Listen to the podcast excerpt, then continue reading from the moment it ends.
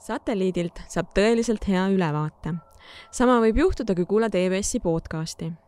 kui külas on valdkonda põhjalikult tundvad praktikud, rahvusvahelise kogemusega eksperdid ning tõelised oma ala fännid, võib uute mõtetega kõrgustesse lennata. eneseareng ei ole vaid sprint ja koolis käimine, see on elukestev õpe EBS-i podcasti juhib endine majandusajakirjanik, tänane kommunikatsioonispetsialist Siiri Liiva. saateid saab kuulata nii Apple Podcastides, Spotify's kui ka Youtube'i kanalil miks peaks igaüks oskama kasutada coach ivaid meetodeid suhtluses? millist väärtust loob coach iv juhtimine nii inimestele kui ettevõtetele? ja miks lähevad need juhid üha rohkem hinda, kes oskavad coach ivat juhtimisstiili? seda arutame täna Merle Viirma ja Küll Lootusega. mina olen saatejuht Siiri Liiva. Merle Viirma on kakskümmend aastat töötanud Eesti suurimate meediaettevõtete juhatustes ning tema peamised vastutusvaldkonnad on olnud strateegia, arendus ja turundus ta on juhtinud strateegilisi muudatusi, kaasajastanud ja uuendanud meediaettevõtete ärimudeleid ning töötanud välja mitme ettevõtte turundusstrateegia. täna töötab Merle juhtimiscoachi ja konsultandi ning õppejõuna. ta on EBS-i coaching'u programmide õppejõud ning turundusjuhi arenguprogrammi juhtiv õppejõud. Merle lööb kaasa ka EBS Executive Coaching Center töös meie teine tänane külaline Kiur Lootus omab kahekümne aasta pikkust ettevõtluskogemust, millest esimesed aastad möödusid pereettevõtet üles ehitades. hiljem on ta mitmete ettevõtete ja organisatsioonide asutamise käivitamise juures kandnud erinevaid juhtivaid rolle. peamiselt on ta tegutsenud ehitussektoris Eestis ja Põhjamaades täna annab Kiur oma panuse juhtimise ettevõtluskultuuri parandusse läbi juhtimiscoachingu, koolituste ja erialaliidu eestvedamise. tere tulemast satelliidile alustan nagu tavaks saanud isikliku laadi küsimusega. meenutage olukorda oma professionaalses või ka isiklikus elus, äh, kus teil on olnud kellegagi hästi võimestav vestlus, mis aitas teil mingi olulise otsuse langetada või midagi enda jaoks selgeks saada või paika panna. mis iseloomustas seda vestlust, mida tegi teie vestluspartner, et see vestlus oleks tõesti võimestav? Merle, alustame sinust mul praegu tuleb küll meelde üks äh, vestlus äh, coaching ruumist, kus ma olin kliendi rollis mm -hmm. ja kui ma joonistasin mm, coach'i palvel tahvlile oma tiimi mm -hmm. ja, ja kui ma panin täiesti vabalt, kuidas mulle meeldis äh, neid inimesi, kus nad minu arust kuulusid, joonistasin sinna ka puuduvaid inimesi, mingeid seoseid, suhteid ja, ja see märkamine nagu et, et milline nagu uus taipamine, kui ma selle pildiga valmis sain ja, ja kui palju infot seal oli äh, selle kohta, mis seal olemas oli, mis seal puudus. ja kuidagi, kui ma mõtlen selle ruumile või et kus see tekkis, et see nagu mõtlemisruumi küsimus, et, et kui teine pool sind kuulab, võib-olla kuskilt küsib, et selline jah, üks pilt, mida ma kunagi ei unusta ja siin EBS-i coaching'u programmides tihtipeale näidisena toon ka, et et sellist jah, sellist loovast lähenemisest mm. -hmm kui pikka aega tagasi see oli, see olukord? neli aastat tagasi ah,. ma olin läinud jah, nagu ettevõttesse, kus ma sain uue tiimi mm, -hmm. endale kõik uued inimesed ja ja see, et jah, et kuidas ma siis neid nagu visualiseerisin seal, et, et mm -hmm. sain ise hästi palju teada selliseid märkamisi, mida ma ei teadnud, et seal pildil on. Okei okay,, see kõlab väga huvitavalt. nii, Kiur jah, kahjuks ei saa siin vist väga originaalne olla, et, et coach idel vist kõigil on need võimestavad vestlused olnud sellised eh, coaching'u sessiooni laadsed ja mul niimoodi kiiruga meenus üks vestlus, mis küll ei olnudki sessioon, aga, aga toimus siiski isikuga, kes kasutas eh, neid selliseid tehnikaid nii-öelda. Ja, ja samamoodi selline kõva häälega oma mõtetes sobramine eh, tõi ilmsiks äh, Äh, neid detaile, mis on päriselt olulised.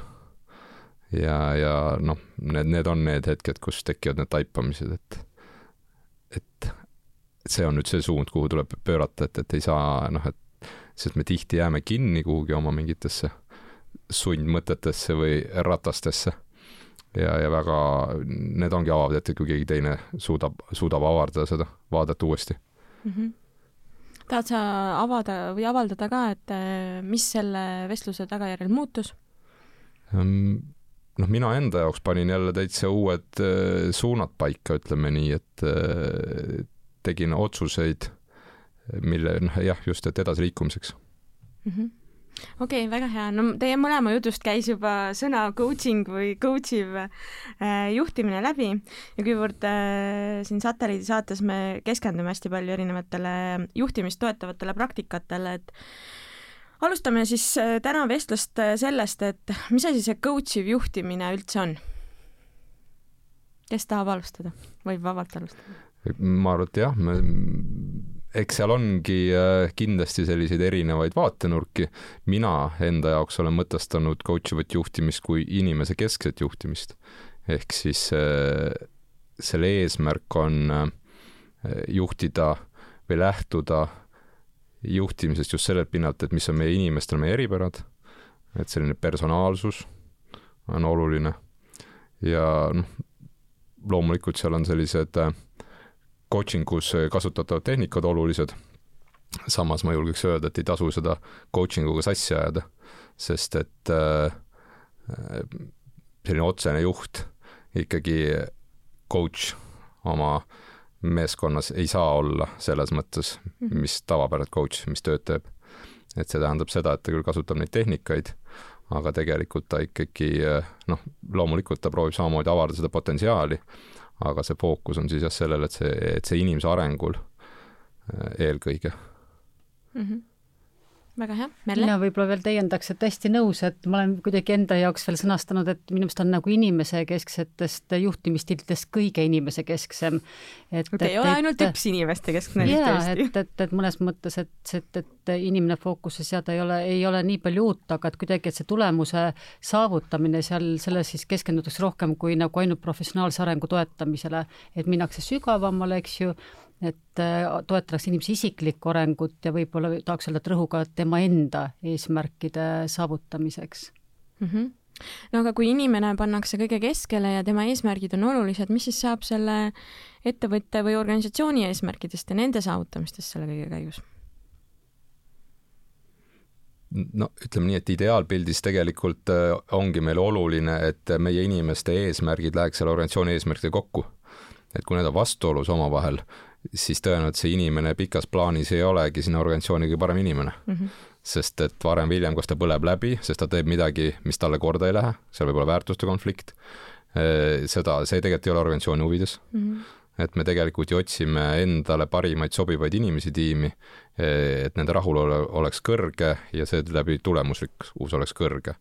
mis tegelikult tähendabki seda, et see on väga okei okay,, et inimene saab aru, et selles oma arenguetapis, et see organisatsioon ei ole tal ja tegelikult see on ka organisatsiooni huvides mm. -hmm ja kui ta nagu olemuslikult arendab inimesi ka siis tuleviku tarbeks, eks ju, siis tegelikult jah, et, et äh, kohe siit võib öelda nagu kõigi asjade puhul, et tal on nii nagu eeliseid kui puuduseid mm, -hmm. et tema kindlasti puudus võibki olla, et ta on nagu aegla-, aeglasema tempoga, et, et ta on nagu rohkem tulevikku suunatud, et sa selliseid kiireid äh, lahendusi ei pruugi selle võrra tulla et aga ta on jah, nagu kindlasti jätkusuutlikum, et ta loob väärtust äh, siis pikemaajalisemalt ja nagu päris palju on uuringuid ka, et, et kus need eelised siis on, et inimeste selline kena eestikeelne sõna engagement, mis see võiks siis olla?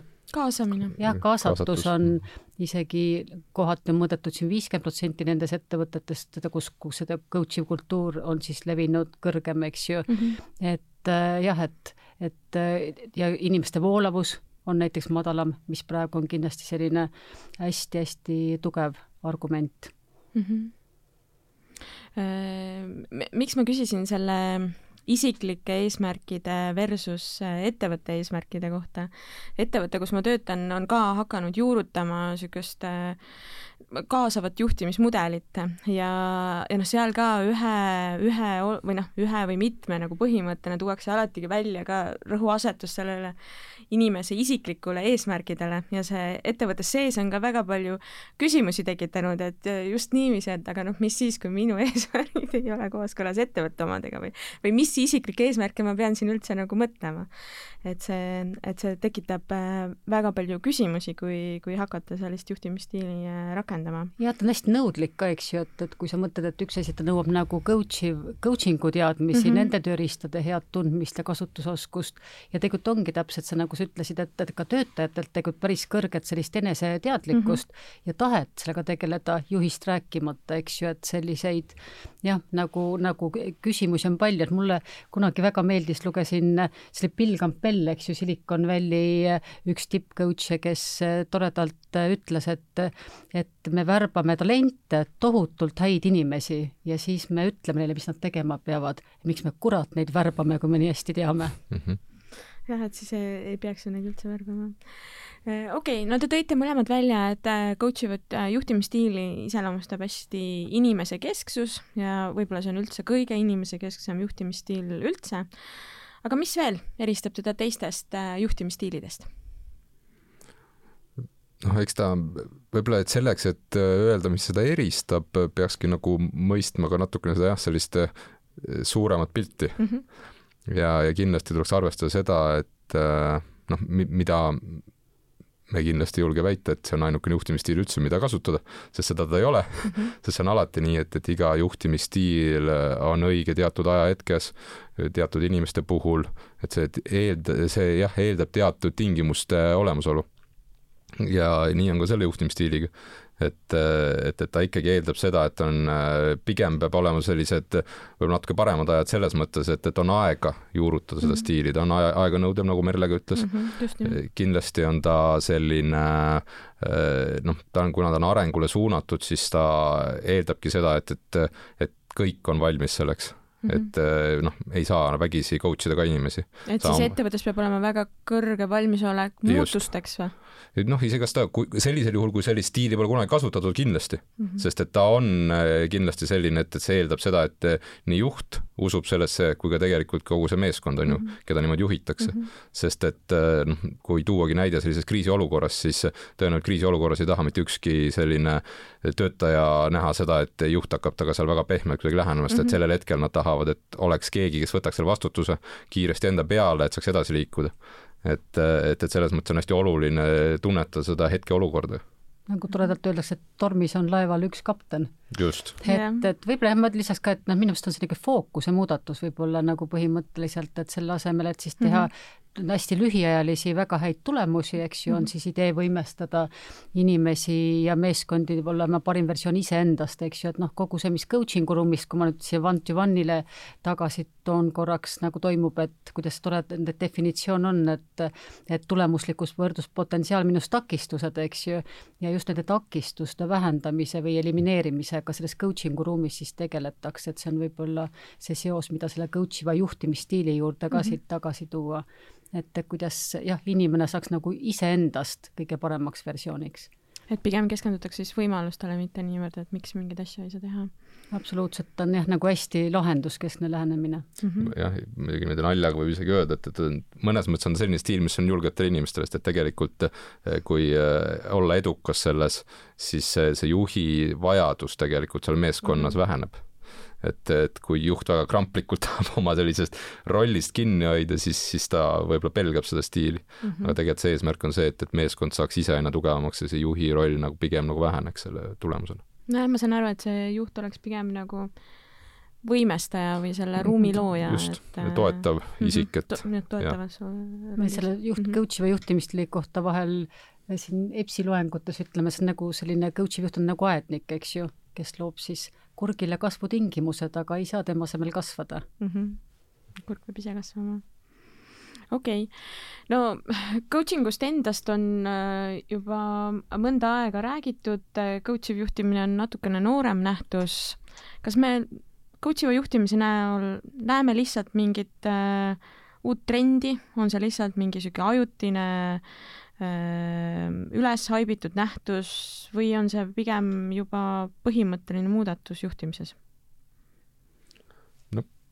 Mina julgen öelda, et eks see ongi, kui me nüüd vaatame Eesti kontekstis, siis me näeme ühte pilti, kui me vaatame maailma kontekstis, siis coaching iseenesest on juba oluliselt kauem pildis olnud mm -hmm. ja seeläbi ka sellist coach ivat juhtimist on äh, väga suurtes organisatsioonides rakendatud ja see on täiesti saanud selliseks juhtimispõhimõtteks mm, -hmm. mille järgi isegi värvatakse juhte.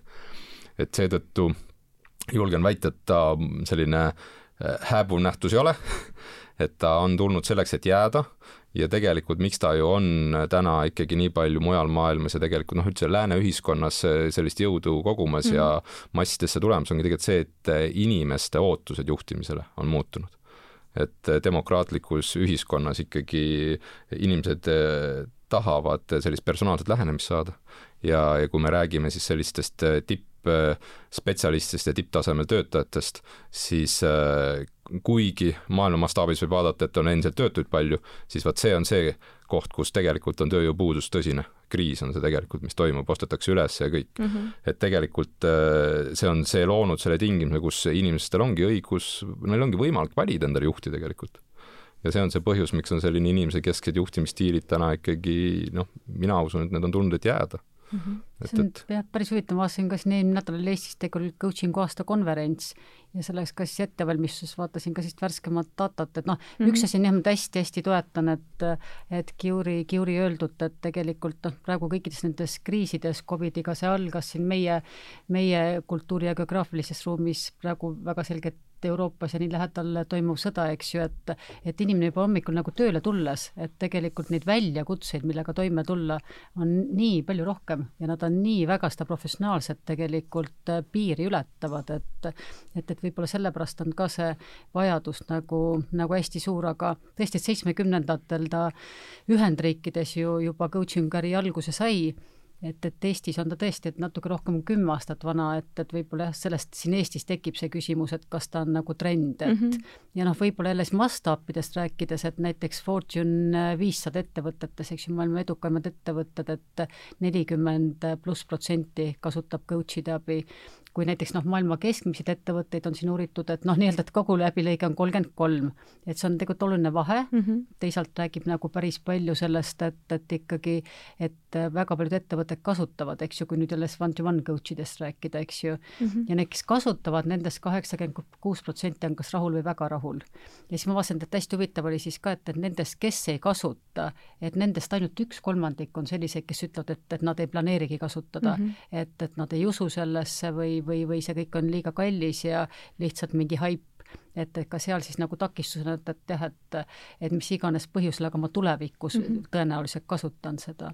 ja siis on noh, hästi huvitav on veel vaadata seda noorte ja vanade telge, et noh, täiesti ühene trend, et, et need, kes usuvad, eh, need on nagu mida noorem, seda rohkem ja siin ka et üheksakümmend viis protsenti näiteks siis eh, kaks tuhat ja, ja tähendab, mitte kaks tuhat, vaid üheksakümmend ja hiljem, hiljem sündinud inimestest ütleb, et varem. et jah, siis jah. üheksakümmend ja varem. ma praegu mõtlesin noori tead just. aa, okei, okei, vabandust ja et, et nemad nagu ütlevad, et, et tulevikuliidrid ongi eelkõige talendiarendajad, eks ju, ja leader mm -hmm. coach'id, eks et, et seda vahet on ka nagu, nagu päris, päris palju ja. märgata mm. -hmm. ja loengutes ka, et, et see avatus kindlasti mulle tundub, et on siin koolis vähemalt esialgu, on noorematel tudengitel tõenäoliselt suurem, aga see on ka alati niisugune tore muudatus, et siis saab alati kuidagi eh, selliseid kokkuleppeid teha, et, et, et aga ütle mulle järgmise päeva õhtul siis, et, et, et kas su arvamus muutus, et et seni on ka nagu vanematega ja skeptilisematega mm, -hmm. mis on alati puhas rõõm, kui nad ka ruumis näiteks on, eks ju, sest hästi palju rikastab. et aga, aga usk sellesse meetodisse on kasvanud mm. -hmm. jah, no tegelikult näha, kui palju tegelikult läbivad selliseid just seda coaching'u baastasemel koolitust tegelikult, kus ju ka selle uue programmi idee alguse sai, oli ju see, et, et, et sinna just sellesse Äh, baaskoolituse tulidki inimesed, et saada sellest aru ja nad olidki juhtimistaustaga ja tegelikult äh, just soov coaching ut ja juhtimist ühildada. et, et, et kõik ei pea olema coach'id. aga, aga neid metoodikaid, mida coaching us kasutatakse, saab väga edukalt juhtimises kasutada ja seda tehakse täna mm. -hmm. selle arenguprogrammi või meistriklassi juurde ma tulen hiljem tagasi, et siis saab sellest põhjalikumalt rääkida. aga ma küsin veel mis põhjusel on coach iv juhtimine tulemuslik? no siin tasub minna psühholoogiasse et jällegi, mis ma alati, näited ju mõjuvad ja kui vaadata, mida on hakanud siis tegema startup'id, siis nad on võtnud kasutusele sellise termini, et, et meeskonnad on äh, oma toodete omanikud, ehk siis mm -hmm. ja tegelikult see on seesama psühholoogia ju, et et, et kui see idee on minu oma mm, -hmm. siis ma töötan selle eest piltlikult öeldes kuni viimse hingetõmbeni, versus see, et keegi ütles mulle ja ma loobun esimese takistusega võib-olla, on ju, mhm. sest et see, ma ei usu sellesse. ja tegelikult kogu see coaching ju on ka selle peale üles ehitatud, et, et, et inimene ise jõuaks selle enda eh, mudelini sest et see on see koht, kus ta teeb selle vajaliku pingutuse mm. -hmm. ja see juhtimine on samamoodi sellele tegelikult suunatud, et mitte juht ei ütle ette inimesele, vaid ta ikkagi teeb tööd sellega, et, et inimesed siis leiaksid selle, millesse nad ise usuvad mm -hmm. ja siis nad ka pingutavad ja panustavad sellesse ja kui niimoodi mõelda, ma veel lisaks, et tegelikult võib-olla sellest eh, noh, mõnel inimesel, kellel on ka võib-olla vähem kokkupuudet, eelarvamusi, et selline, et kuidagi nagu pehmode värk või mis, et, et noh, tegelikult nagu täiesti vastupidi, et ta on ülimalt eesmärgipõhine, seda väga paljudest stiilidest eristabki, et ta on hästi eesmärgile, hästi suhetele orienteeritud, eks ju, ja, ja hästi palju sellist äh, kuidas ma siis ütlen, et, et, et noh, tohutult oluline element on seal ka näiteks igasugune tagasisidestamine, eks ju, noh näiteks eeldab ka nagu väga selgeid oskusi, et kuidas tagasisidet üldse anda, aga teistpidi tagasisidet vastu võtta. et, et, et ka see on asi, mida, mida tuleb nagu õppida. nii, nii tunnustavad kui tegelikult sellist konstruktiivset tagasisidet õppimiskohti, eks ju, et jah jälle tulevad kohe seosed selle uue organisatsiooni kultuuriga, mis, mis minu töö juures juurutatakse, et meil on üks termin äh, konstruktiivne konflikt väga huvitav termin. jah, just, aga selle, selle eesmärk ongi see, et, et noh, vaielda mingid asjad läbi, et kui mm -hmm. keegi nagu ei nõustu mingi asjaga, et, et noh, vaieldakse need asjad läbi ja siis äh, selle tulemusel kas siis nagu muudetakse midagi või siis nagu äh, lõpetatakse üks hetk see arutelu ära ja tänatakse inimest, kes selle konstruktiivse konflikti tõstatas. Äh, aga noh, kui nagu see noh, argument ei olnud ikkagi nii tugev selle äh, arutelu käigus, et siis äh, noh, siis ta noh, midagi otseselt ei muuda, aga ta on läbi vaieldud mm. -hmm ja neid vestlusi on ju noh, nagu hästi-hästi erinevaid, et neid stiile ka, et, et kus on ta direktiivne, eks ju mm, -hmm kus on selline nagu veenmine mm, -hmm. noh, mis on ka tegelikult reeglina päris jõuline, eks ju, noh mm -hmm. küll, küll nagu eh, teiste meetoditega ja siis just selline öeldakse, et selles coach iva stiili eh, vestlus on nagu noh, miks ta teistest eristub, ta on niisugune hästi koosloomeline, eks mm -hmm. ju. et, et me koos nagu võrdsete partneritena mm -hmm. koos panustame ja noh, just see, et, et tal on alati nagu hästi selge nagu kokkulepped on üliolulised, hästi olulised on eesmärgistamisega seotud teemad ja igal juhul ka see, et ta on alati hästi tegevuslik, eks mm -hmm. ju, et on see siis coaching'u vestlus või see juhtimisstiil, et, et, et sellega käib alati kaasas noh, tegevuskava koostamine ja selle järgimine mm. -hmm mis tegelikult Merle ütles märksõnad peetakse niisuguseks pehmode asjaks ja tegelikult inimese kesksust peetakse üleüldse, tundub, et, et aga oi, et see on käe hoidmine. mina julgen öelda vastupidiselt, noh, et tegelikult see ei ole käe hoidmine, see, et me saame aru inimestest, annab meile lihtsalt võimaluse äh, kasutada õigeid meetodeid, mis temal, mis teda motiveerivad mm, -hmm. sest et ka coaching võib olla väga väljakutseid esitav ja samamoodi see coach'i juhtimine võib olla. tegelikult me esitame väljakutseid, sest et kui ongi inimene, kellel on väga kõrge saavutusvajadus, siis tegelikult tuleb, teda tuleb suruda õieti lihtsalt.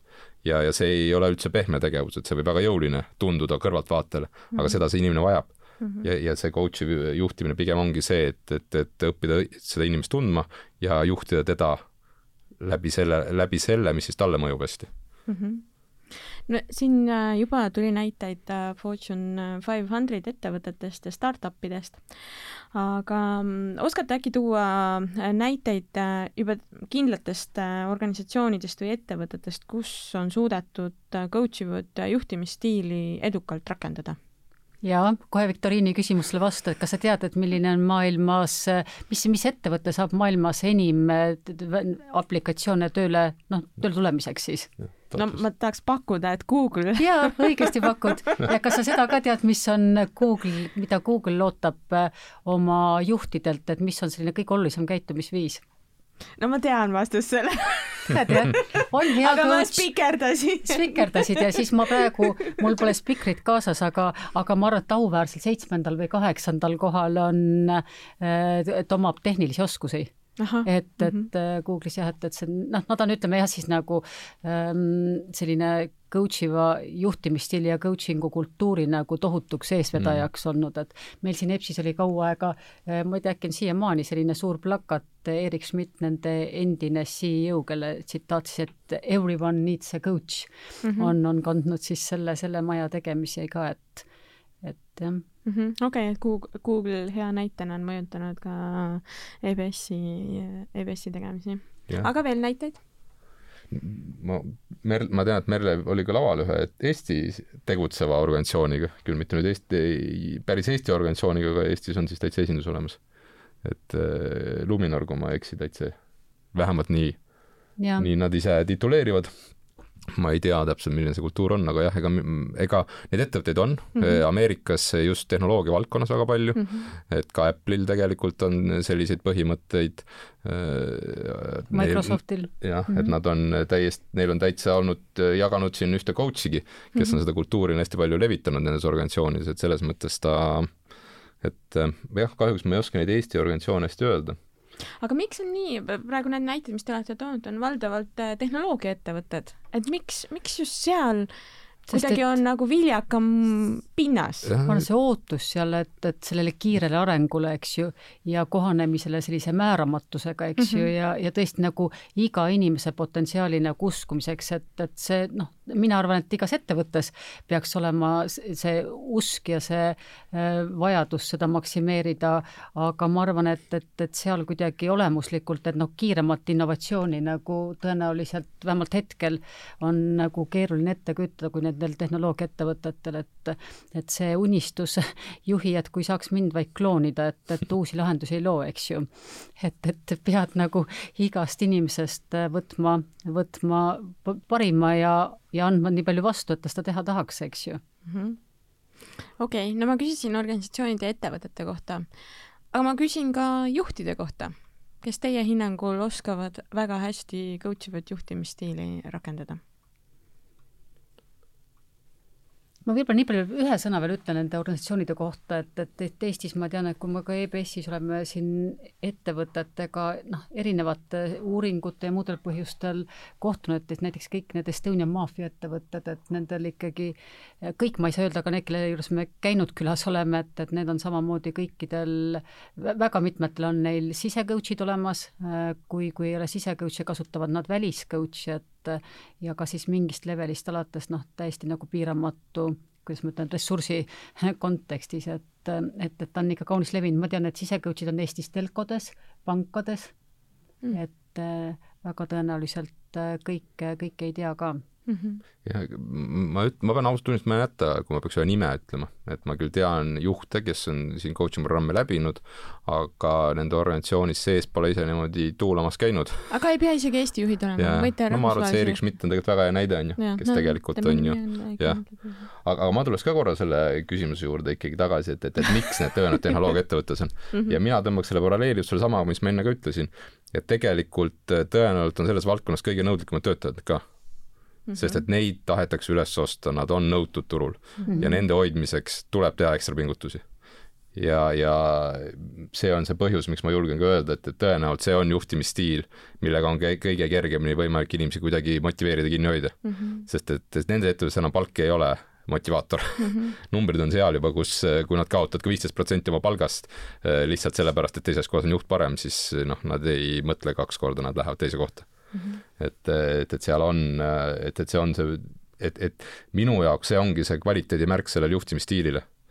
et järelikult see stiil on midagi sellist, mis väärtustab inimest mm -hmm. ja seetõttu tegelikult toob paremaid tulemusi mm. -hmm siis kui ma vaatan ka, mis ootusi, eks ju, siin on sõnastatud, et, et nagu kaks tuhat kakskümmend Leiker on sõnastanud, et juhtidelt oodatakse, et järjest vaatadki, et, et see on väga noh, minu jaoks seostub ta coaching uga, et just see, et tulevad toime tundmatu ja mitteprognoositava mm, -hmm. eks ju, säilitades uudishimu ning avatuse, teenivad teisi, eks ju, ja just see, et, et kasutavad kiirelt kõiki tehnoloogia eeliseid, samal ajal oma töötajatest hoolides ja, ja neljas argument, et siis, et kelle kliendid ja töötajad on globaalsetel turgudel mm. -hmm. et kui ma mõtlen, siis need vajadused, eks ju, on nendel ettevõtetel mm -hmm. kõigil, kõigil olemas. jah, kõigil kõige suuremad ka ehm, aga sa, sa juba vastasid uh, mu järgmisele küsimusele ma tahtsin just küsida, et, et miks nagu uh, ütleme, tööturul või turul üleüldiselt on nõudlus coach ivate juhtide järele mm, kasvanud. aga ma saan aru, et seal ongi see, et noh, et seda määramatust on nii palju mm, -hmm. inimesed äh, valivad, äh, kuhu nad mm -hmm. tööle lähevad, äh, neil on selged ootused juhtidele ja nii edasi jah, ma arvan, võib-olla niisugused hästi-hästi nagu motiveerivad mm, -hmm. et motivatsiooni teemaga tegeletakse palju, et hästi sellised kaasavad kui ma mõtlen siin tagasisidestamisele, siis kindlasti ka tunnustavad, eks ju, et, et hästi sellised, aga ta näeb veel, et nagu me alustasime, et ta on tegelikult nõudlik, et sa pead ikkagi väga hästi oma inimest tundma mm -hmm. ja tegelikult tahtma neid tunda mm. -hmm. et eks ta hakkab nagu sellist iseenda tundmisest pihta, et nagu päris mhm. palju pead vaeva nägema. ehk et kui tegu on no ütleme heas mõttes enesekeskse juhiga siis selleks, et temast saaks hea coach iv juht, peab ta sellest enesekesksusest äh, mingil või suuremal määral loobuma jah, igasugune coach iv tegevus eeldab enesearengut esimeses järjekorras, jah. et, mhm. et selleks, et kutsuda teistes arengut esile, tuleb äh, ise areneda kõigepealt, jah, et see mm -hmm. nii on. Kiur, kuivõrd toetavad tänased neuroteaduse avastused äh, coach iva juhtimise kasutuselevõttu?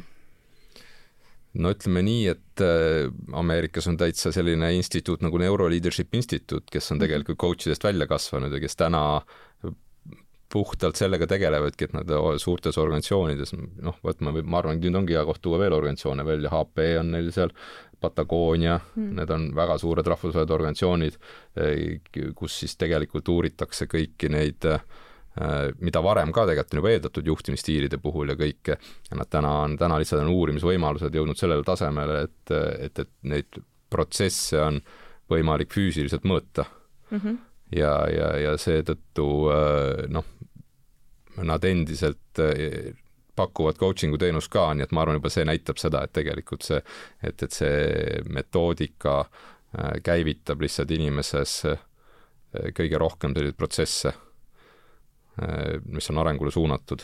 et aju on meil samasugune lihas nagu iga teine, kui nii võib öelda, ta ei ole lihas tegelikult, aga, aga ta toimib niimoodi, ta on plastiline, ta on võimalik treenida, on võimalik kasvatada et, et, et kui juht suudab inimest panna mõtlema, uusi seoseid looma, sealt sünnib tegelikult innovatsioon, ehk siis see, see ongi see kõik see, mis, mida üks organisatsioon tegelikult inimeselt ootab ja vajab. et lihtsalt juhid peavad looma need võimalused selleks arenguks ja sellisteks neuroloogilisteks uuteks arenguteks, ütleme, et see ongi tegelikult ju innovatsiooni koht, on ju mm. -hmm. mingi väide on, et inimene kasutab ainult kümme protsenti oma ajust. Äh, see on selles mõttes väärväide, et inimene kasutab kogu oma aju kogu aeg, aga mis, mida selle all tõenäoliselt on mõeldud tavaliselt ongi see, et, et, et see potentsiaal mida inimene suudaks mm -hmm. teha ajuga, kui ta suudaks kõik selle info, mis ta ajus on, äh, samamoodi kokku viia mm, -hmm. et mhm. meil on tegelikult ajus väga palju informatsiooni. et, äh, et lihtsalt selle uuesti kokkuviimine, nende sünapsite loomine, see on see protsess, millega tegelikult me hästi toime ei tule aga mida on võimalik treenida iseenesest mm. -hmm.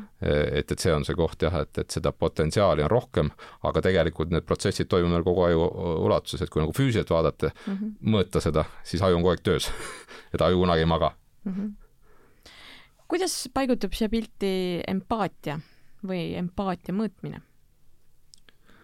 empaatia või selle empaatia arendamine tegelikult on ja selline noh, eneseteadlikkus siinjuures on nagu üks coaching'u ma arvan, nagu alustaladest mm, -hmm. et, et see, mis kas coach iva juhi või coaching'u ruumis tegelikult äh, toimub, et et ma arvan, et, et sellise mõtlemisruumi ja teisele inimesele sellise jah, arenemis, õppimisruumi pakkumine tegelikult, et see empaatiast pihta hakkabki, et, et, et kui sa ikkagi nagu inimesi lugeda ei oska, ei ole võimeline aru saama, mismoodi teine inimene tunneb või võib mõelda tihtipeale hoopis teisiti kui sina, et, et seda tööd lihtsalt ei saa teha, et mida me siis ka noh, alati on hea muidugi meeles pidada, et eh, vahel ka aetakse mõisted sassi, et, et, et empaatia ei ole tingimata kas kaastunne või sümpaatia mm, -hmm. eks ju, vaid nagu kõige paremas mõttes ka see neutraalsus et, et ma saan sinust aru, ma näen sind, eks ju, ei pruugi sinuga nõus olla, aga, aga ma olen võimeline nagu aru saama, et, et no ma arvan, et see on üks esimuskel, millega seda tööd üldse teha jah, see on hästi huvitav teema. ma üks hetk ühe väikse, väikse seltskonnaga proovisime leida siis, eh, mis siis empaatia täpselt on mm. -hmm. ja igaüks tuli täiesti, internetist siis otsisime, igaüks tuli täiesti erineva tõlgendusega välja. ja siis me tükk aega diskuteerisime. jah, ja inglise keeles on tegelikult on väga hea sõna, ongi see teine sõna on kaastunne, on ju, mida mm -hmm. tihti nagu aetakse sassi, on ju, empaatiaga. siis tegelikult äh, empaatia on jah, just tegelikult see keskmes olek, et on olemas sümpaatia, antipaatia mm, -hmm. empaatia on see, mis on tegelikult seal keskel, on ju. Mhm. ehk siis, et mul ei ole selle inimese või olukorra suhtes ei sümpaatiat ega antipaatiat, et ma suudan jääda neutraalseks, noh.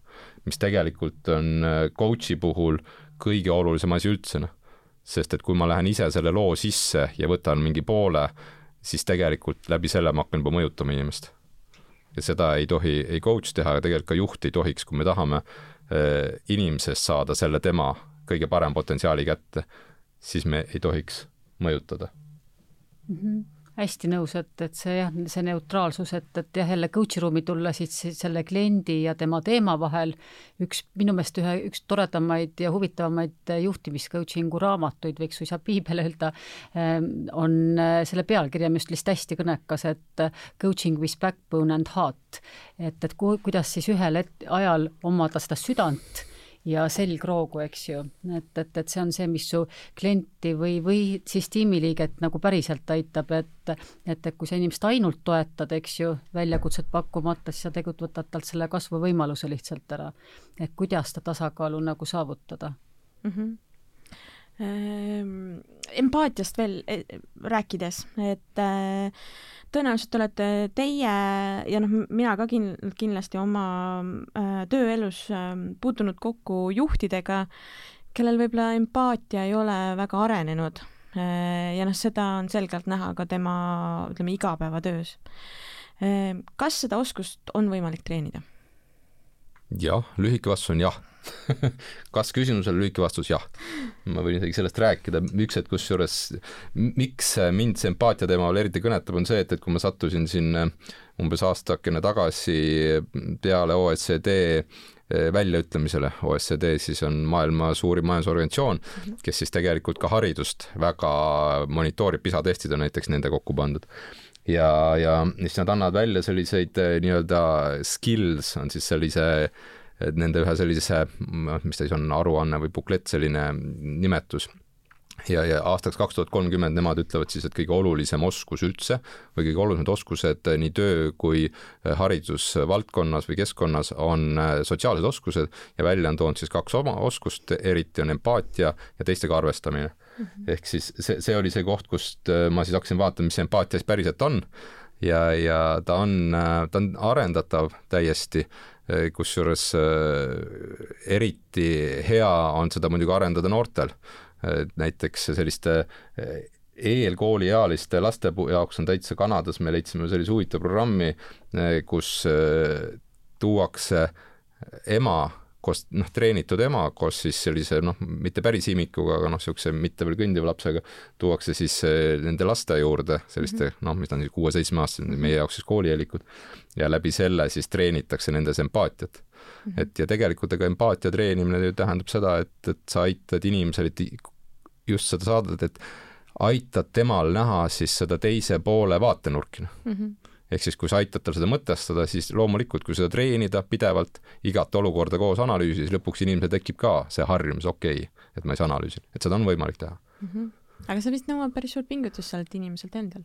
see nõuab äh, väga suurt valmisolekut, nagu iga muutus jah, et, et mm -hmm. paljud inimesed ei taha seda, sest et see on noh, mõtlevadki, et, et mis see minu asi on, mis seal tema mõtleb, on ju see on päris huvitav, siin tegelikult nagu seostub, et on tehtud juba pikki nagu tegelikult aastakümneid Äh, uuringuid, et noh, tõeliselt huvitav minu meelest hästi seostub, et, et kuidas siis ülikooli lõpetajad, kelle IQ-d on mõõdetud, eks ju, et, et mis neist kahekümne, kolmekümne aasta pärast siis nagu tööturul saab mm. ja kellest saavad juhid, viktoriini küsimus, äh, mitte nendest tegelastest, kelle IQ on grupi keskmisest kõrgem, suisa veidi madalam, et lihtsalt, et hea näide, et määravaks saavad nagu hoopis teised oskused mm., nagu ma arvan, ongi emotsionaalne intelligentsus kusjuures mul tuli üks huvitav uuring jälle meelde ka, mis oli äh, Ameerika vist mereväe, siis äh, vaadati äh,, uuriti siis neid äh, äh, sõdureid, kes oli kõige rohkem saanud siis vapruse medalit mm, -hmm. see on niisugune mhm. eraldi medal mm. -hmm ja, ja, ja avastati, et siis, äh, et kõige rohkem said need sõdurid olid saanud seda vapruse medalit, kelle äh, juht oli selline empaatilisem, hoolivam ja siis see tundus nagu nii uskumatu, aga siis see loogika selle taga on, mida siis eeldatakse, ongi see, et, et see meeskond tegelikult noh, nad olid rohkem kokku kasvanud, nad hoidsid üksteist ja sealt see vaprus tuleb, on ju, et sa nagu lähed lõpuni teise eest, on ju noh. ja võtad rohkem vastutust ka just, olukorras, kus sa ei tea, mis nagu edasi just, saama hakkab. just. Mm -hmm. ehk siis väga hea näide selles, et, et väga militaarmaailmas võiks ju eeldada, et seal on nagu see karmus on just see, mis sa nagu viimase -hmm. annad, aga tegelikult on seal ka see just see empaatia, teistest hoolimine ja selline teistega arvestamine on see, kus, kus tehakse nagu see ekstra tulemus mm. -hmm. see on väga huvitav näide ja üldse ma mõtlen ka, et vaat selle nagu ootus juhile on ka nagu nii palju muutunud, eks ju, et kõik, mis räägitakse, need karismaatilisuse müüdid, eks ju, kui kakskümmend, kolmkümmend aastat tagasi veel, et oi, et liider on tingimata keegi tohutult karismaatiline tegelane, eks mm -hmm. ju, et kuidagi see ei ole enam kaugeltki nii relevantne, et mõisted nagu haavatavus, eks ju, et et, et ma ei pea selles ruumis olema sugugi kõige targem ja eriti tark olen juhina, kui valin endal tiimiliikmed, kes oma valdkonnas on tunduvalt targemad kui mina ja mm -hmm. et see inimeste austamine ja te-, teistest hoolimine, et, et on kuidagi nagu hoopis olulisemad, et mm. -hmm. tuli jälle üks hea uuring meelde. no super tüütan need ära uuringud. ei, aga need on väga huvitavad näited. Harvardis siis uuriti neid äh, teadlaste meeskondi äh, või tiime siis, mis siis kõige rohkem innovatsiooni tegid ja avastatigi just see asi, et äh, rohkem tegid innovatsiooni siis need meeskonnad, kus olid sellised generalistidest juhid, mm -hmm. kui tugevad spetsialistid -hmm, juhid mm. -hmm. ja selle loogika seal taga oli siis see, et, et generalistid äh, otsisid, kuna nemad ei olnud ühegi valdkonna tippspetsialistid, nad otsisid oma meeskonda alati iga ala või niisuguse spetsiifika kõige targema neil oli ka laiem tutvusringkond loomulikult, kuna nad ei olnud terve elu ainult ühe asjaga tegelenud mm. -hmm. Versus siis see, kus võeti selline väga tugeva oma ala spetsialist, aga noh, tema tutvusringkond siis piirnes selle väga kitsa spetsiifikaga ja tema meeskond piirnes ka siis selle, selle valdkonna tugevate tegijatega, noh, tema oli kõige tugevam lihtsalt mm. -hmm. ehk siis see lagi oligi tema mm. -hmm. ehk siis äh, jällegi selline miks ei tasu olla ruumis kõige targem, et palju parem ruum on see, kus teised on targemad ja ise saad ka areneda yeah absoluutselt ja siin ma mõtlen ka just, mida öeldakse ka jälle just selle, selle coach iva juhtimisstiili kohta ka, et eks ju, et, et, et kui sellises teistsuguses lähenemises liider on täpselt see, kes sulle kõik eesmärgid seab ja ja tunnustab täpselt nende asjade ärategemisest inimesi, et nii saab saavutada, aga lihtsalt täpselt seda, mida sa, kus öeldakse toredalt, et sa saavutad seda, eks ju, mida sa mõõdad mm. -hmm. et tasub nagu päris ettevaatlik olla, et noh, innovatsiooni sealt ei tule, eks et ja. sa võid täpselt selle saada ja, ja mingites tingimustes võib see olla absoluutselt piisav ja rohkemgi veel, aga, aga nagu hea on jah teada, et innovatsiooni sealt ei sünni. Mhm. jah, jah, jällegi kui innovatsioon ka ju niimoodi lahti võtta, siis tegelikult innovatsioon eh, noh, jällegi kui me nüüd neuroteadust vaatame, siis eh, me ei saa välja mõelda ühtegi asja, mida me varem nagu kogenud ei ole igasugused uued asjad on meie eelnevate kogemuste uus kokkupanemine lihtsalt. ehk siis innovatsiooni eeldus on see, et, et ma suudan hästi palju erinevat infot uutmoodi kokku panna mm. -hmm. noh, ja siis nii peaks ka nagu meeskondi kokku panema, on ju. et ma tegelikult toon seda kompetentsi ja siis on lihtsalt keegi see, kes oskab seda hästi kokku siduda, et see võiks nagu see juhi ülesanne olla, et ta kuidas nagu märkab, et oskab mm -hmm. nüüd just neid õigeid komponente leida sinna mm. -hmm. ja siis see sünnib innovatsioon mm. -hmm no te olete korduvalt äh, selle vestluse jooksul öelnud, et äh, coach iv juhtimine ei sobi igasse olukorda. et äh,, et, et te natuke olete kirjeldanud seda, et äh, mille jaoks see hea on aga võib-olla konkreetsemalt äh, tooks nüüd välja, et äh, kuhu see sobib ja kuhu see ei sobi võib-olla kui nagu töötajast endast alustada ja võtta sinna motivatsioonioskuste mm -hmm. telg appi, et, et seal, kus on väga vähe oskuseid mm -hmm., ükskõik äh, põhjusel, inimene on väga noor, kogenematu, et, et, et väga mõistlik on seda inimest mentordada, ta kooli saata, et, et see on üks telg. ja võib-olla siis nagu vaadata seda ka, et, et kui, kui on näiteks väga-väga kiire, et sul lihtsalt ei ole aega panustada töötajate arengusse ja, ja õppimisse, eks ju, et et, et niisugune get it done kultuuri mm, -hmm. eks ju, ta ei sobi sellistesse kohtadesse ka näiteks, kus ei ole üldse inimesed harjunud saama negati-, tagasisidet konstruktiivset siis või mm -hmm. noh, oma ka puuduste kohta, arengukohtade kohta, et, et sellisesse kohta võib-olla oskad sa lisada?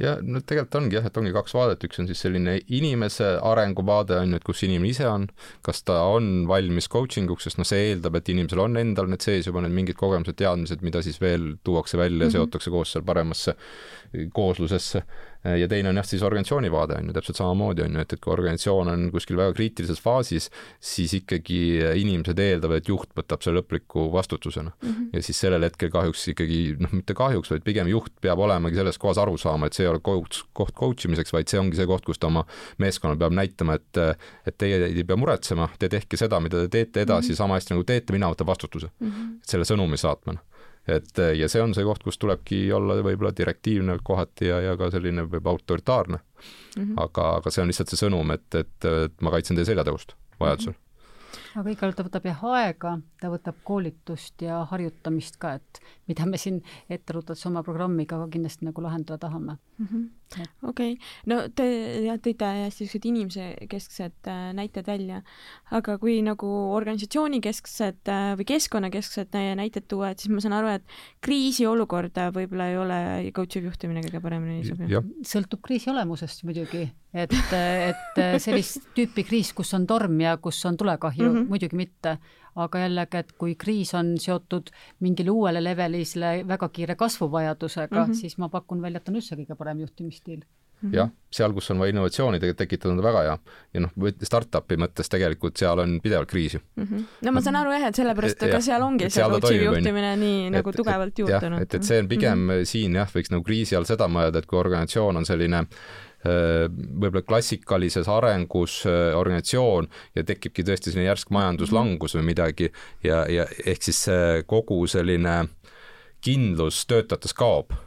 et, et siis nagu tasub juhil haarata ohjad aga kui ettevõte ongi startup'i tüüpi, kus tegutsetagi pidevas teadmatuses mm -hmm. ja see, see kriis on nende see nii-öelda DNA on ju noh, mhm. siis coaching sobib, sest et see on tegelikult see, kus seda noh, lihtsalt sinna lähevad need inimesed, kes seda ootavad mm. -hmm. kas coach ivat juhtimist peaks oskama ainult juhid?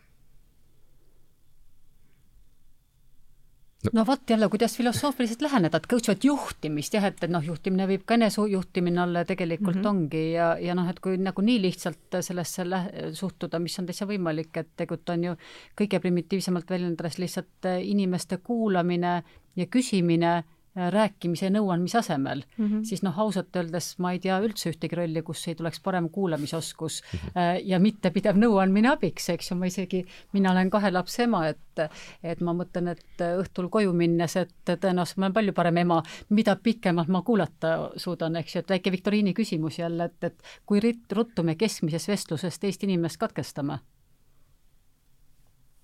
tea, kahe minuti möödudes kümne sekundi ah,. kümne sekundi? ja, ja see, siia me alati lisame, et tegemist on ülemaailmse uuringuga, et siin on nii rahulikud Eesti ja Soome eh, tegelased kui ka kuumemad lõunamaalased, et, et väga kiiresti, et ega me mm -hmm. teist inimest väga pikalt ei kuula. et ütleme, et siin kümne sekundi lisamine oleks tohutu progress, sada protsenti. noh, ta, ta jah, ta on selle meie tähelepanuvõimega seotud, et see kahjuks meil on nii lühikene aga ja noh, öeldakse ka, et, et ikka, ikka tegelikult selle inimese mõtlemiskvaliteet väga selgelt seotub sellest mõtlemisruumist, mis sa talle lood ja mille tegelikult noh, esimene eeldus on see kuulamine mm, -hmm. see turvaline loom mm, -hmm. ruum, loom. jah, ma nõustun sellega, et tegelikult need oskused on universaalsed mm -hmm. ja, ja tegelikult noh, mina üldse äh, juhtimist äh, näen, noh, juhtimisele võibki läheneda väga erinevalt, on ju, et, et kes on sellised äh, Exceli põhised äh, finantstaustaga juhid, ehk siis mm, tõenäoliselt mingisugustele äh, orienteeritud siis mingitele väga kindlatele niisugustele äh, mõõdikutele ja mina ikkagi olen alati vaadanud seda, et tegelikult see on suhete juhtimine, on ju. et nii hästi, kui mina oskan oma suhteid juhtida, tegelikult asjad toimivad, on ju. ja, ja suhete juhtimine on ju puhtalt igal tasandil, et see ig-, poes pean ka oskama käituda, selles mõttes, kui ma tahan näiteks allahindlust küsida, siis ma arvan, et seal on ka erinevad lähenemised, on ju. Mhm. et tegelikult see, need oskused on universaalsed ja, ja kindlasti äh, igal pool kasutatavad. mis muidugi tuleb öelda, on see, et, et jälle selline psühholoogia paradoks on see, et, et mida lähedasemad on inimestevahelised suhted, et seda, seda vähem on vastuvõtlikud need inimesed sellistele äh, noh, ütleme siis coach ivatele asjadele, et, et, et, et siis, siis inimesed tihti äh, noh, meil tekivad teatud noh, eelarvamused või hoiakud oma paarilise mm -hmm. suhtes. ja, ja seal on nagu see oht, et seal peab nagu, peab nagu paremini veel seda tunnetama mm. -hmm. et, et ütleme nii, et, et selline äh, coach iv noh, lihtsalt noogutamine, hästi noh, ütleme kuulamine, lasta inimesel hästi tühjaks ennast rääkida äh,, lähisuhetes pigem võib keeruline olla võib-olla jah, aga tuleks ei, kindlasti kasuks, eks ju. et, et aga, aga, aga ütleme, et neutraalseks on suhteliselt keeruline jääda, eks ju. et sa pead olema jah.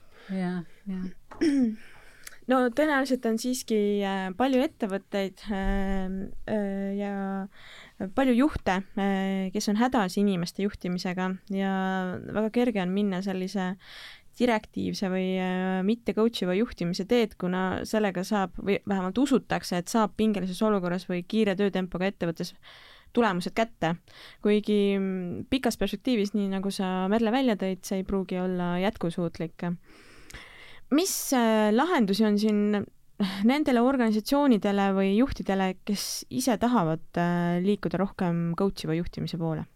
noh, see on nagu, nagu väga tore pinnas, eks ju, et, et esiteks on hästi hea uudis see, et, et ta on õpitav mm, -hmm. ta on mhm. arendatav, äh, harjutamine teeb meistriks ja jah, ühest küljest on nagu päris need äärmused, et kui sa siis tahad direktiivsest stiilist hakata nagu nii radikaalselt teise stiili astuma, et et soovitaks kindlasti astuda ühe sammu korraga, et pikk nagu selline väga suur muudatus, sellise harjumuse kujundamine ei ole ehk realistlik, aga aga tegelikult ka täitsa teises äärmuses, et, et päris huvitavaid uuringuid ma ka vaatasin just ka nende juhtide kohta, kes ütlevad, et nad on nagu väga head coach'id ja mhm. tohutult mm -hmm. seda meetodit rakendavad, armastavad ja seal oli ka väike naljaga öeldud, et sa ei ole nii hea, kui sa arvad, eks ju.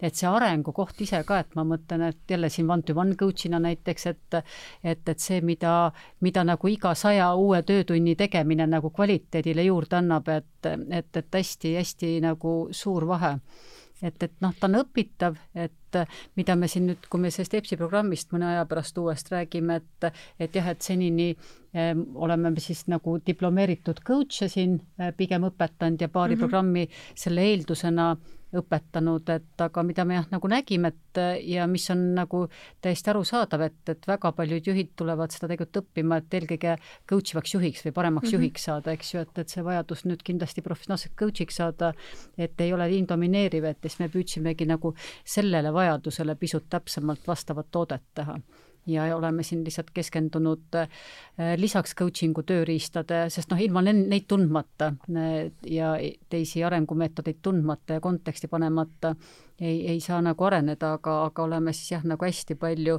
tegelikult teistele juhtimisstiilidele siin, sellesamal situatiivsele juhtimisstiilile, tegelikult hea juht on ikkagi see, kelle arsenalis on mitmeid mm -hmm. tööriistu ja kes võtab lisaks coach ivale ikkagi olukorras vahel ka direktiivse välja, eks ju mm, -hmm. et, et kuidas ja millal käituda ja täpselt samamoodi kõik need motivatsiooniteemad ja et jah, tahad sa siin täiendada?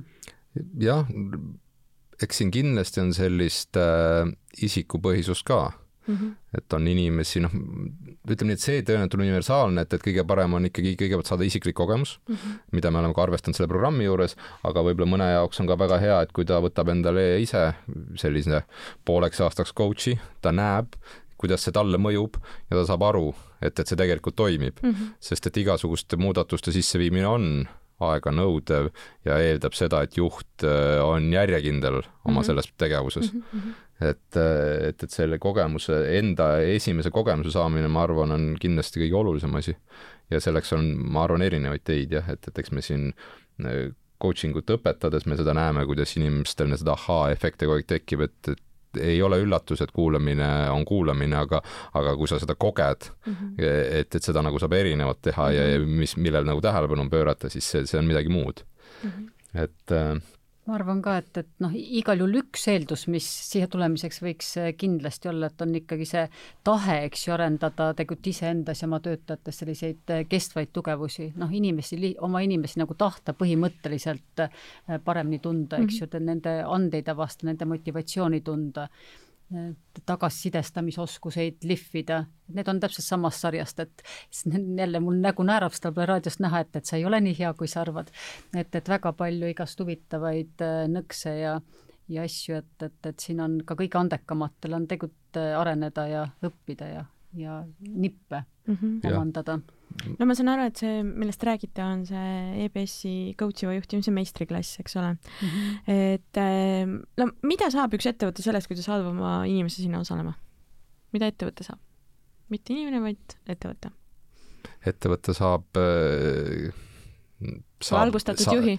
ta saab endale inimese, kes tegelikult äh, oskab noh, jah, ütleme nii, et äh, ta saab palju et ma ei oskagi, kui peaks ühe sõna kokku võtma, aga võib mitu sõna. ma ei tea, kas valgustatud on selles mõttes selle õige, on ju, et pigem on see, et, et, et et ega jah, võib-olla kurbuus on see, et kui saab ainult ühe inimese, siis, siis see jah, tähendab seda, et ta saab ühe inimese, kes, kellel on silmaring laiem ja kes kindlasti ka proovib neid asju, aga tegelikult selleks, et ikkagi tekiks muutus, peaks olema tõenäoliselt mõni inimene veel, et, et me oleme ka sellega selles mõttes ikkagi arvestanud ja tegelikult on tore näha, et ka coaching'u koolitustel tihti ikka käivad kahe ja kolme kaupa need inimesed ettevõtetest mm.. et, et eks nad ikkagi saavad, noh, peamine, mis nad saavad, nad saavad kogemuse tegelikult mm. -hmm. sest et tore on ju rääkida sellest, et, et mis on coach iv juhtimine, aga, aga see on hästi praktiline koolitus käiakse ikkagi need oskused läbi mm -hmm. ja, ja see arusaamine, et, et miks ja kuidas seda kasutada jah, et ma võib-olla lisan ka, et, et jah, et ta nagu selle juhtimisstiili võimalusi õpib, õpib kindlasti paremini toota hästi palju praktilisi tööriistu mm, -hmm. mida tegelikult saab oma tiimi võtta ja suisa peab, sest et ka nad nagu moodulite vahel, et, et see ei ole sugugi ainult need õppepäevad siin klassiruumides, vaid tegelevad väga-väga praktiliste äh, töödega gruppides mm, -hmm. kus nad lahendavad tegelikult omaenda väljakutseid tiimides, eks ju, kus tööülesandena just nimelt see, et, et kuidas ma seda kõike ka oma enda tiimi hoopis laiemalt viin, et, et need on kõik selle, selle koolituse osad mm. -hmm.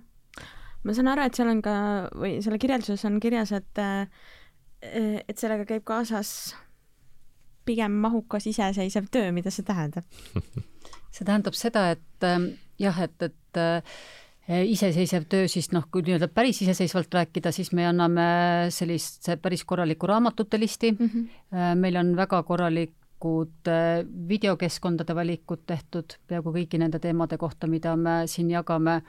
Äh, lisaks individuaalsele õppele siis on ka sellist grupis õppimist, et mm, -hmm. et äh, kaasõppuritega koos ja ilma õppejõududeta on supervisioonid isiklikult või vabandust, mitte supervisioonid, vaid coaching'u sessioonid õppejõududega ja, ja on ka selline, kuidas me ütleme selle kohta siis selline peer learning või et koos oma kaaslastega väga praktiliste ülesannete mm -hmm. lahendamine, et see maht on jah, umbes äh, isegi pool samasugust juurde, ma arvaks. jah. ja loomulikult äh, palju ka praktiseerimist selles mõttes mm, -hmm. et, äh, et see on eeldus, et saada heaks nendes oskustes. et, et see on ka see põhjus, miks me selle oleme sinna integreerinud kohe ka selle coaching'u, et tegelikult selleks, et see muutus ikkagi püsiv oleks mm, -hmm. Äh, soovime olla toeks selles protsessis mm. -hmm. ja ma saan aru, et see on ka see, mida ettevõte siis koheselt saab, et, et ja. need inimesed, kes kas siis saadetakse või omal initsiatiivil tulevad, et nad saavad seda kohe ka hakata ettevõttes rakendama mm. -hmm. ja mitmed koduülesanded me olemegi tegelikult selle ehitanud, et mm -hmm. väga praktiliselt oma tiimis siis uut kogemust kasutada mm, -hmm. tulles klassiruumi tagasi reflekteerida mm, -hmm. eks ju, katsetada igast, et, et sealt see uus teadmine tuleb aga ma saan aru, et äh, tegelikult äh, saavad ettevõtted selle arenguprogrammiga sisse osta. et millise muutuse võiks see siis ettevõttes tuua ja kes seal osalema peaksid? ma pakuks välja, et, et see kindlasti võiks äh, sellest ettevõttest konkreetselt, kes sisse ostab, sõltub muidugi tohutult palju ettevõtte suurusest, eks ju, et sellisest keskmist ettevõttest, et võiks ikkagi rääkida juhtide kihist, eks ju mm, -hmm. vähemalt alustuseks et, et aga jah, Eestis on neid ettevõtteid hästi, hästi erineva suurusega muidugi mm. -hmm. jah, et äh, ütleme tegelikult äh, oleme jah ettevõttest loomulikult, aga seda saab ka täiesti ju meeskonnapõhiselt läheneda mm, -hmm. sest et tegelikult äh, et ega need oskused, nagu me ütlesime, on ju universaalsed mm, -hmm. mis tähendab seda, et äh, et kui isegi see inimene antud meeskonnas ei kanna juhi rolli, siis see ei tähenda, et ta kuskil teises olukorras ei esinda seda mhm. ettevõtet ja ei ole mingisuguses juhi rollis. ehk siis tegelikult on see, ma julgeks öelda, et see on ikka kultuuri muutus, et see ei ole mhm. ainult juhtimisoskuse arendamine, vaid see on tegelikult ettevõtte kultuuri muutus, mis tähendab seda tegelikult, et, et tasub vaadata seda nagu suuremat oma organisatsiooni lõikes, et, et kuidas seda kultuuri oma ettevõttes kõige kiiremini saaks juurutada ja selle pinnalt seda otsust teha, et, et kes on need inimesed, kes on võtmeisikud just kultuuri muutuses, on ju mm. -hmm no mis on jah, kui siit uuringuid vaadata, et, et jah, et nagu ma ütlesin, et see selline engagement tase kasvab, eks ju. ja kaasatus mm -hmm. staaž, see on väga selge ja ülikonkreetselt mõõdetav indikaator, mis paraneb, eks ju et, et selline nagu inimestele tõenäoliselt selline äh, kuidas ma siis ütlen, et äh, rahulolu selles ettevõttes töötada, kui sa oled üsna loogiline, eks ju, kaasatud, motiveeritud, äh, kui just, just inspireerib, et saad ise vastutust mm -hmm. võtta oma asjade eest ja, ja need äh, mõõdikud on ka väga selged, et jah, no rahulolu on selles mõttes üks olulisemaid märksõnasid jah, et tegelikult mm -hmm. seda ju seostatakse kõige rohkem äh, tulemuslikkusega mm. -hmm. Et seal on, neid uuringuid on palju noh, et, et kus seal on, et kui inimesel madal rahulolu, et siis on viisteist haiguspäeva aastas rohkem ja noh, see on kõik numbrisse pandav asi, on ju. et, et see tegelikult on noh, iga juhi unistus oleks see, et, et ta töötaja tuleks naerataval näol iga esmaspäeva hommik tööle mm, -hmm. mitte ta juba pühapäeva lõunast ei ole, ma langeks vaikselt depressiooni, et esmaspäeva hommikul on seal kõige madalamas kohas jälle pean sinna tööle minema. selline can do mõtteviis võiks kasvada kuulge, see on väga põnev arutelu ja siin oleks nii palju, mida veel rääkida. Äh, aga kahjuks me peame selle sisulisele osale joone alla tõmbama. Äh, lõpetuse, selle sisulise osa lõpetuseks ma küsin, et äh, paar soovitust juhile kes tunneb, et ta tahab hakata oma meeskonnas coach ivat juhtimisstiili rakendama? paar lihtsat soovitust, mida saab teha ilma näiteks arenguprogrammis osalemata. kuula paar minutit rohkem anna paar nõuannet vähem jah, ja, ja, ja võib-olla kui see empaatia teema käis läbi, siis äh, et, et sellel hetkel, kui kuulata, siis proovida ka mõista, eriti nendes olukorras, kus tundub, et me, me saame täitsa erinevalt aru, tahaks kohe vaidlema hakata mm, -hmm. siis pigem proovida mõista, mis seal taga on, et ta niimoodi arvab ja esitada selliseid küsimusi, mis aitaks seda selgust luua mm. -hmm. sest et eh, need on need kohad, kus on võimalik tegelikult seda arenguhüpet teha mm. -hmm. Väga hea, väga head ja konkreetsed soovitused sellega pole meie podcast veel läbi, nagu meie traditsioonilised kuulajad juba teavad, on meil ka sihuke traditsiooniline lõpuosa, kus siis kõik külalised saavad alati kolmele küsimusele vastata. ja te olete küll meie saadetes varem ka käinud, aga vaatame, äkki on vahepealse aja jooksul midagi muutunud. Esimene küsimus, mis on see juhtimisraamat, mida soovitaksid lugeda kõikidel, keda paelavad juhtimisküsimused või väljakutsed? Kiur, alustame sinust jah, vot nüüd tuligi see, et, et ma tahtsin küll väga originaalne olla ja mul on küll neid raamatuid, mida veel soovitada, aga lihtsalt antud teema juurde ikkagi, et, et kes nüüd tõesti mõtlevad sellise coach iva juhtimisstiili peale, siis äh, need nimetasin, käisid natuke läbi ka, on eesti keelde tõlgitud Triljoni dollari coach mm, -hmm. mille, mille ühe autor on ka Erik Schmidt, kellest me enne rääkisime. mul on see kodus olemas, läbi et, olen ka lugenud ühe korra. et seal on, et see on väga hästi kirjutatud raamat, et ehk siis ta, ta, ta ei räägi, ta räägib siis Bill Campbellist, kes on see coach küll mm, -hmm. aga siis see raamat on kirjutanud tema kolm coach'id nii-öelda, ehk siis Erik Schmidt, Jonathan Rosenberg ja Alan Eagle, kes on tegelikult kõik tippjuhid Ameerikas ja, ja nemad on siis kirjutanud ja toonud välja selliseid Bill Campbelli selliseid juhtimistarkuseid, et see raamat ei ole üldse selline coach idele mõeldud raamat, vaid ta on mhm. täiesti juhtimisraamat.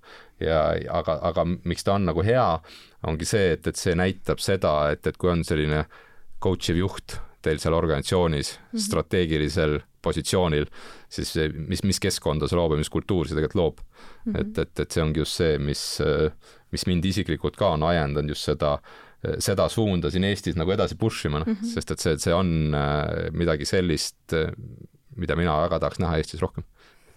ma arvan, et kõik tahavad seda rohkem näha nii, Merle, sinu raamatusoovitus? no äkki ma üllatan, äkki sul ei ole seda raamatut, saad hankida, et, et mina täna, täna ühte oma väga suurt lemmikut, aga ka coaching'u valdkonnast äh, soovitan, et, et see on Nancy Kleini Time to think mm. -hmm. ja see on hästi huvitav, tema räägibki siis sellest äh, mõtlemisruumi ehitamisest, et et siis sellest, et kõik, mida me tegelikult teeme, sõltub täpselt sellest, kuidas, mida me, kuidas me mõtelda saame, eks ju, mis on see mõtlemise kvaliteet, eks ju, ja, ja, ja selle omakorda siis määrab see tegelikult see kuulaja või kuulamise kvaliteet, et et kui austatuna inimene ennast tegelikult ühes vestluses tunneb või mm, -hmm. või kui palju on adekvaatne see, et, et, et teine inimene võtab mind võrdse partnerina mm, -hmm. eks ju, et, et, et ta tõesti usub minu potentsiaali ja ta hästi huvitavalt erinevaid selliseid mõtlemisruumi nagu komponente nagu tutvustab ka, et kuidas neid siis arendada, eks ju, et äh, näiteks piiravate eelduste ärakuulamist, et kuidas neid teise inimese jutus kuulda mm, -hmm. kuidas neid, neid nagu tagurpidi pöörata näiteks,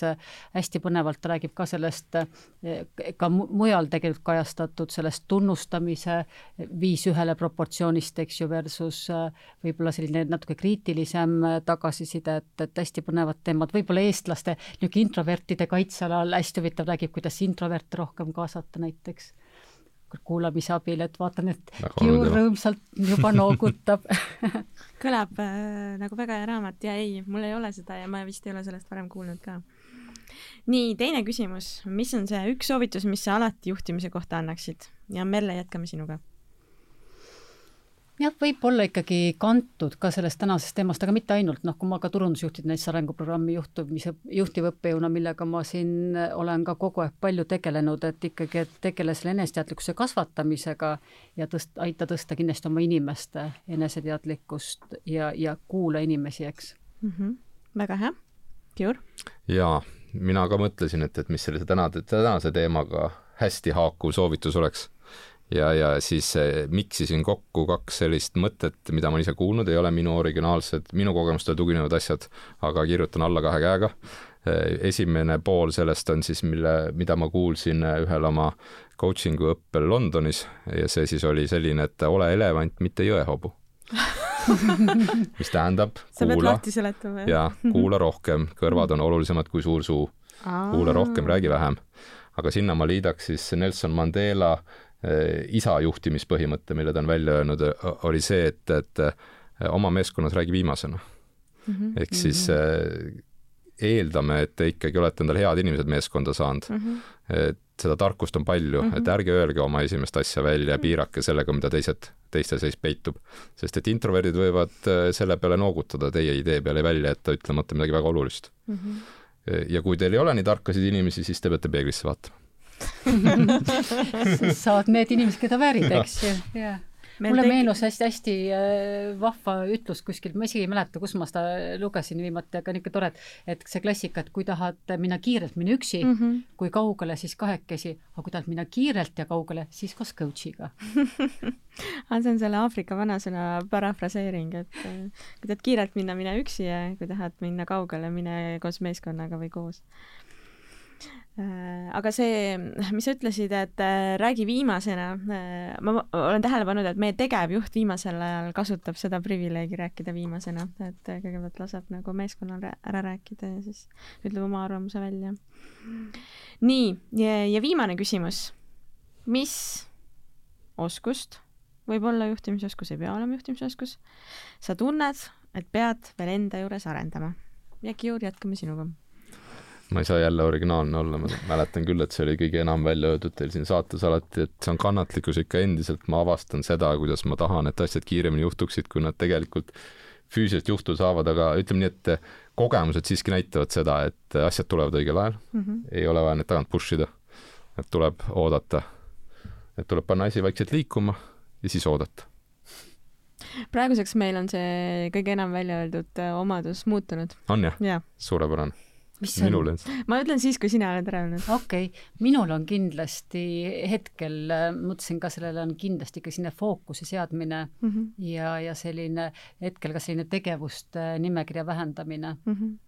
Mm. et, et kuna ma olen ka selline popsõna portfoolio karjääri esindaja tähendab, et mul on mitu ametit, siis jah, et, et kuidas see, see balansseerimine on mm -hmm. kindlasti mu kõige suurem väljakutse mm. -hmm. see on ka üks asi, millele ma ka kahe käega pean alla kirjutama ma tunnen sama, aga viimasel ajal ma olen teinud valikuid, mis aitavad neid äh, vähendada. aga äh, kõige rohkem on meile öeldud äh, praeguseks hetkeks kuulamisoskust. suurepärane, et see on jõudnud massidesse. Vesi meie millele? kõrvadele. Kõrvadele, veskile, arenguprogrammile. Mm jah, ei, see on nii uskumatu, kui see ka ei ole, aga noh, meil just oli siin kaks päeva jälle tegime koolitust siin mm -hmm. ja eranditult kõik ütlevad, et, et ei oleks arvanud, et kuulamine nii raske mm. -hmm eks vist äh, paljud inimesed kirjutavad sellele alla, äh, sealhulgas ka meie saate kuulajad tõenäoliselt. aga selline oligi siis meie seekordne saade. aitäh, Merle, aitäh, Kiur aitäh ka kuulajatele, kes kannatlikult teisel pool kuulasid ja järgmise korrani. see oli EBS-i podcast Satelliit. saateid saab kuulata nii Apple podcastides, Spotify's kui ka Youtube'i kanalis